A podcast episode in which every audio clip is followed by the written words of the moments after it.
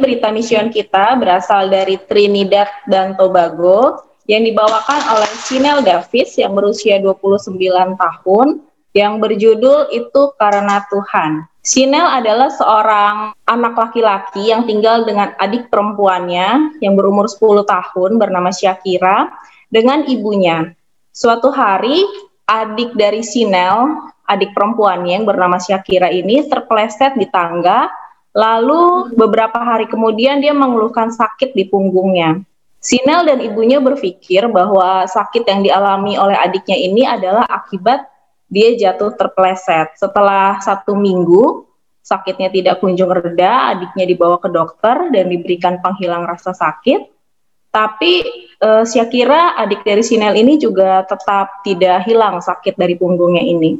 Dia juga menjadi tidak doyan makan, lalu ditambah lagi perutnya menjadi membengkak.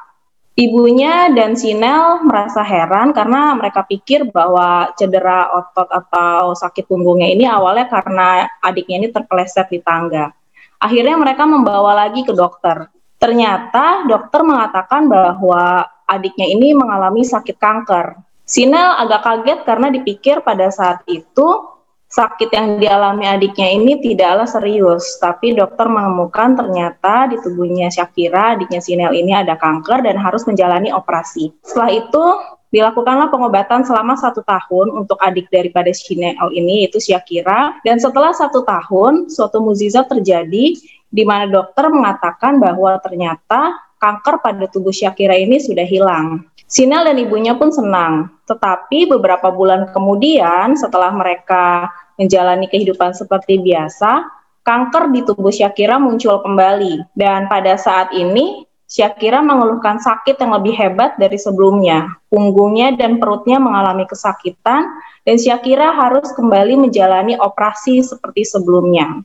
Tapi untuk kali ini Syakira tidak lagi bersemangat untuk menjalani operasi. Dia bilang, saya tidak perlu lagi menjalani operasi karena saya sudah merasakan sakit yang sangat karena penyakit kanker ini. Tetapi ibunya berkata bahwa dia harus menjalani operasi supaya penyakit kankernya sembuh dan bisa menjalani hari-harinya dengan tubuh yang sehat. Tetapi kemudian akhirnya operasi tetap dijalankan. Satu bulan setelah operasi, adik dari Sinel ini akhirnya meninggal dunia karena penyakit kankernya ini. Pada saat adiknya meninggal, ibu daripada Sinel pada saat penguburannya tidak menangis sedikit pun. Sinel cukup heran kenapa ibunya bisa tidak menangis ketika anaknya atau adik daripada Sinel ini meninggal. Ketika Sinel bertanya kepada ibunya, kenapa ibu tidak menangis? Ibunya ini hanya diam saja, dia tidak menjawab kenapa dia tidak menangis. Lalu empat bulan kemudian dari peristiwa adik Sinel meninggal, ibunya ini mengalami sakit di mana kakinya membengkak, kakinya mulai membengkak. Lalu Sinel membawa ibunya ke dokter dan dokter mengatakan bahwa sakit kaki ibunya yang bengkak ini terjadi karena ibunya mengalami depresi yang berat. Dokter menganjurkan kepada Sinel untuk melakukan konseling untuk menyembuhkan penyakit kaki ibunya ini yang bengkak. Jadi ibunya sepertinya menahan depresinya karena penyakit adiknya yang kanker itu. Lalu setelah itu ibunya pun menahan depresinya ketika dia tidak menangis ketika anaknya meninggal. Lalu akhirnya depresinya itu pun muncul dengan uh, kelihatan dengan kaki ibunya yang membengkak. Lalu akhirnya uh, Sinel pulang dari dokter, tapi ibunya tidak mau menjalani konseling. Setelah itu, enam bulan kemudian ibunya pun meninggal karena depresi. Sinel cukup uh, menjadi terpuruk karena adik dan ibunya sudah meninggal. Akhirnya uh, Sinel menjadi dekat dengan sepupunya yaitu Mark sepupunya ini cukup bisa mengalihkan pikirannya Sinel dari kejadian duka yang dia alami berturut-turut di mana adik perempuan dan ibunya meninggal. Tetapi kemudian tidak lama sepupunya ini mengalami suatu kecelakaan yang tragis. Jadi enam bulan setelah ibunya Sinel meninggal, sepupunya yang juga dekat sama dia ini pun meninggal dunia. Jadi rasa sakit dalam diri Sinel ini berturut-turut. Adiknya meninggal, lalu tidak lama ibunya meninggal, lalu sepupunya meninggal. Akhirnya karena kejadian duka yang berturut-turut dia alami, dia pun menjadi mencari pengalihan. Dia melihat bahwa pacarnya ini adalah seseorang yang memiliki tato di sekujur tubuhnya. Lalu dia mulai mencari pelarian dengan juga ikut untuk memiliki tato sehingga dia pikir dengan menyakiti tubuhnya dia akan bisa mengurangi rasa sakit yang dia alami karena kehilangan orang-orang yang dia cintai. Akhirnya dia mulai mentato tubuhnya.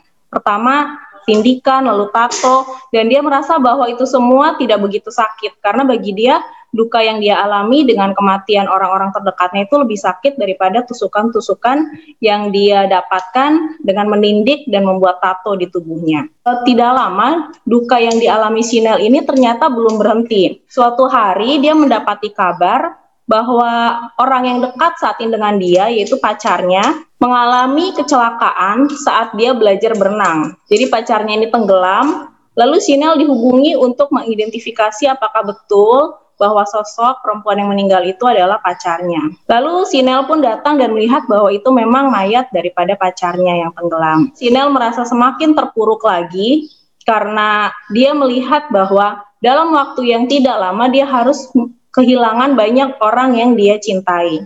Akhirnya dia merasa bahwa hidupnya sangat gelap.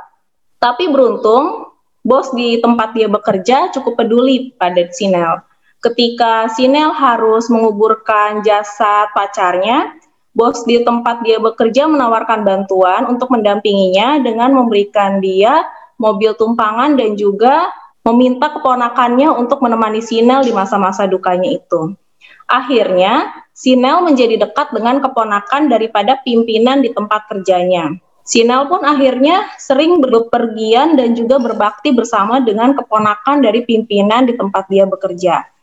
Suatu hari, keponakan dari pimpinannya ini mengajaknya untuk e, berbakti. Lalu Sinel pun mulai aktif untuk beribadah setiap sabat, mendengarkan khotbah-khotbah yang disampaikan, dan dia juga rajin membaca Alkitab. Perlahan-lahan, singkat cerita, semakin hari kehidupannya semakin bahagia dan menyenangkan, dan dia dapat menyerahkan hatinya kepada Yesus untuk dibaptis. Saat ini, Sinel dan juga ponakan daripada pimpinannya tersebut, mereka sudah rajin berbakti dan Sinel merasa senang karena dirinya saat ini sudah dapat membagikan kisah hidupnya dengan orang lain. Seringkali katanya dia di jalan bertemu dengan orang yang mengalami kedukaan, lalu ketika Sinel memberikannya nasihat, orang tersebut bilang, kamu nggak ngerti apa yang saya alami. Yang saya alami ini sangat berat, katanya gitu. Tapi kemudian Sinel bercerita kepada orang itu bahwa pada masa yang lalu saya pernah mengalami hal-hal yang sangat berat di mana saya mengalami kehilangan adik, ibu, lalu keponakan dalam waktu yang berdekatan. Orang-orang pun akhirnya menjadi takjub dengan kisahnya Sinel dan dia ditanya oleh beberapa orang bagaimana mungkin kamu bisa bertahan hidup dengan situasi yang sangat-sangat berat ini. Sinel pun menjawab bahwa semua yang saya hadapi itu bisa saya hadapi dengan baik karena Tuhan. Karena saya mau memberikan hidup saya kepada Tuhan dan dia juga memberikan saya hidup yang baru. Demikianlah bacaan mision kita pada sahabat ini. Biarlah melalui kisah Sinel ini, apa pun duka yang kita alami dalam hidup kita, tapi karena kita bertahan dalam Tuhan, maka Tuhan akan membantu kita untuk melewati setiap perkara di dalam kehidupan kita. Tuhan memberkati kita.